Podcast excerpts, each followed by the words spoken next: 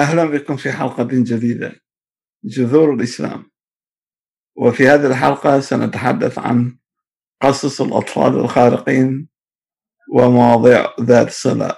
حوالي سنة 2500 قبل الميلاد قام شعب سامي يسمى بالأكديين بغزو وادي الرافدين والمدن السومرية وعندما نقول أن شعبا من الشعوب هو سامي فإننا نعني أنه ينتمي لعائلة لغوية وعرقية تجمع العرب والعبريين اليهود والكنعانيين والفينيقيين والأقباط وشعوبا أخرى أيضا. قام الأكديون بتبني الكتابة المسمارية السومرية لكن اللغة السومرية كلغة منطوقة بدأت بالاختفاء رغم أن الأكديين قاموا بتجنيد الطبقة السومرية المثقفة لتسيير إمبراطوريتهم التي هي أول إمبراطورية عرفها التاريخ. كان سرجون أو سرجون الأكدي الأول من 2334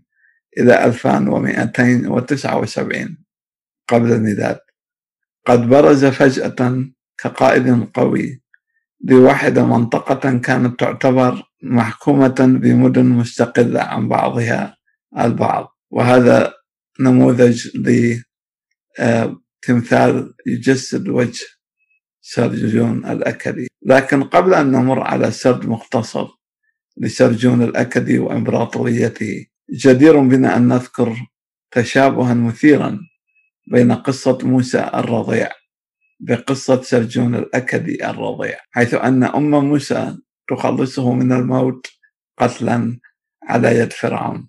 كما في سفر الخروج في التوراة الفصل الثاني ونفس القصة استوحاها القرآن من التوراة في سورة القصص الآيات سبعة إلى ثلاثة عشر. بوضعه أي موسى في سلة وتلقيه أمه في النهر لينتشله أفراد من عائلة فرعون. ويتم تربيته بين أفراد أسرة ملك أعداء شعب إسرائيل. هذه القصة تم اكتشافها من بين الكتابات المسمارية الأكدية الذي هو أقدم من موسى بقرابة ألف عام حيث أن الملك السومري أور زبابا كان يأمر بقتل كل مولود حسب هذه الأسطورة.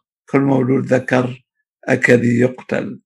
لأنه سمع أي الملك نبوءة عن ولادة طفل أكدي سينتزع ملكه منه. الأساطير القديمة حافلة بقصص أطفال يتعرضون لمحاولة قتل بسبب نبوءة ما عن آه، نجاتهم ويتم تخليصهم من قبل إله أو آلهة حامية. وليصل هؤلاء الأبطال الأسطوريون إلى تحقيق نبوءتهم. كنموذج الأساطير اليونانية حافلة بهكذا أبطال. على سبيل المثال البطل الأسطوري هيركليس أو هرقل الذي تخبر التنبؤات أنه يقتل وحوشا ويدافع عن مظلومين تهاجمه ثعابين وهو في المهد ولكنه يخنقها بيديه القويتين. كذلك الملك الأسطوري أوليب ينجو من حيوانات البرية المتوحشة حيث يتم تركه ليموت. وكذلك دايونيسيوس الذي يصبح إلها معبودا يتم قطعه وقتله ولكن والده الإله زيوس يحييه مرة أخرى. وأشهر أسطورة أطفال رضع في الحضارة الرومانية هي قصة التوأمين المؤسسين لمدينة روما. ريمولوس وريموس الذين يتم رميهما في العراء لكن أنثى ذئب ترضعهما وترعاهما. هذه القصة تكررت مع موسى الرضيع حيث تتطابق مع قصة سرجون الأكدي الأول.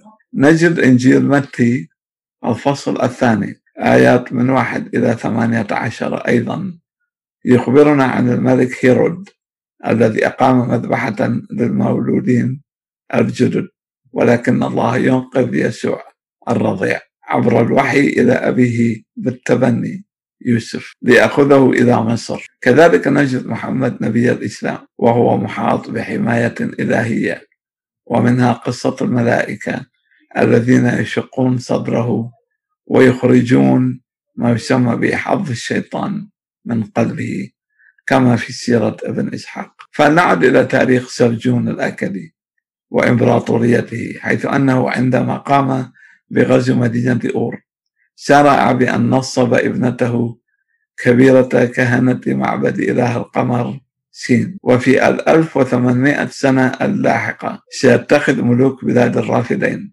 هذا التنصيب سنة تتبع حيث ينصب ينصب الملوك بناتهم كبيرات كهنة لمعبد إله القمر. يرى بعض الباحثين أن جبل التجلي في سيناء سايناي حيث التقى موسى بالله وجها لوجه وفي الحقيقة اسم مستوحى من إله القمر سين. من ثم لاحقا قام نارام سين حفيد سرجون الأكدي بإعلان نفسه ملك الأركان الأربعة. للعالم بعد سيطرته على مدن سومر. من ضمن إنجازات نارام سين التي يخبرنا التاريخ عنها هو تدميره مدينة تسمى بإبلة وهي مدينة مهمة في شمال سوريا. من ضمن الاستنتاجات المقترحة من الباحثين هي أنهم عثروا على اسم إله يسمى يا ضمن آلهة مدينة إبلة وأنه قد يكون مصدر تسمية اليهود لإلههم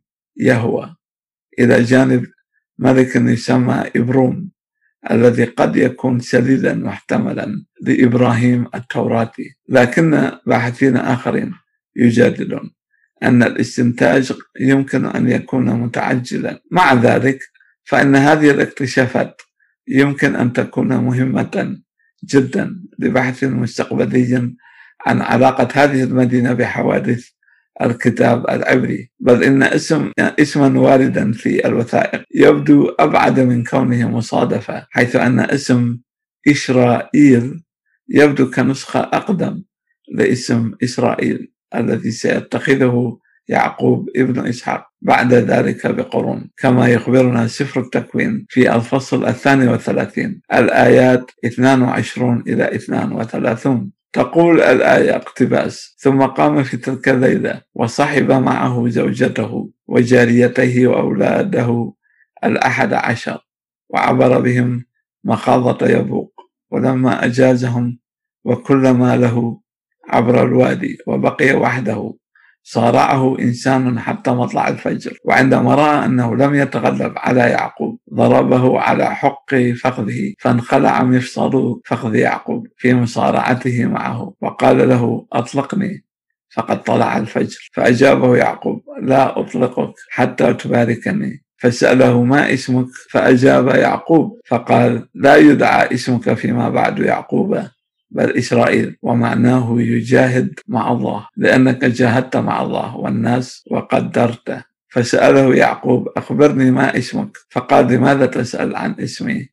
وباركه هناك. ودعا يعقوب اسم المكان في نيئيل ومعناه وجه الله نهاية الاقتباس. بعد أن سالت الإمبراطورية الأكدية حوالي قرنين من الزمن كانت نهايتها على يد شعب يسمى بالعموريين وتعني التسمية القادمين من الغرب وقد استوطنوا من الهلال الخصيب امتدادا في الهلال الخصيب امتدادا من بلاد الرافدين وحتى بلاد كنعان في إسرائيل والمناطق الفلسطينية المعاصرة. كما أن العموريين قاموا بتوسيع مدينتين بل وتأسيسهما مجددا في بلاد الرافدين وهما ماري في الفرات الأوسط وبابل التي تقع في منطقة الفرات الجنوبي. مدينة ماري التي تقع قرابة الحدود العراقية السورية.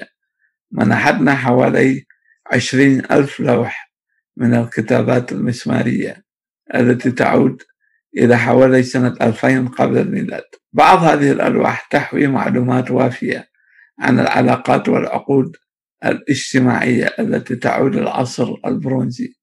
التي يمكن أن تعطينا خلفية فكرية وعلمية لحياة الآباء العبريين الأوائل كإبراهيم وإسحاق ويعقوب. بعض الباحثين يرى أنه من الصعب أن نستنتج وجود علاقة بين هذه النصوص وبين الآباء العبريين حيث لا توجد أدلة تاريخية تثبت وجود إبراهيم وإسحاق ويعقوب.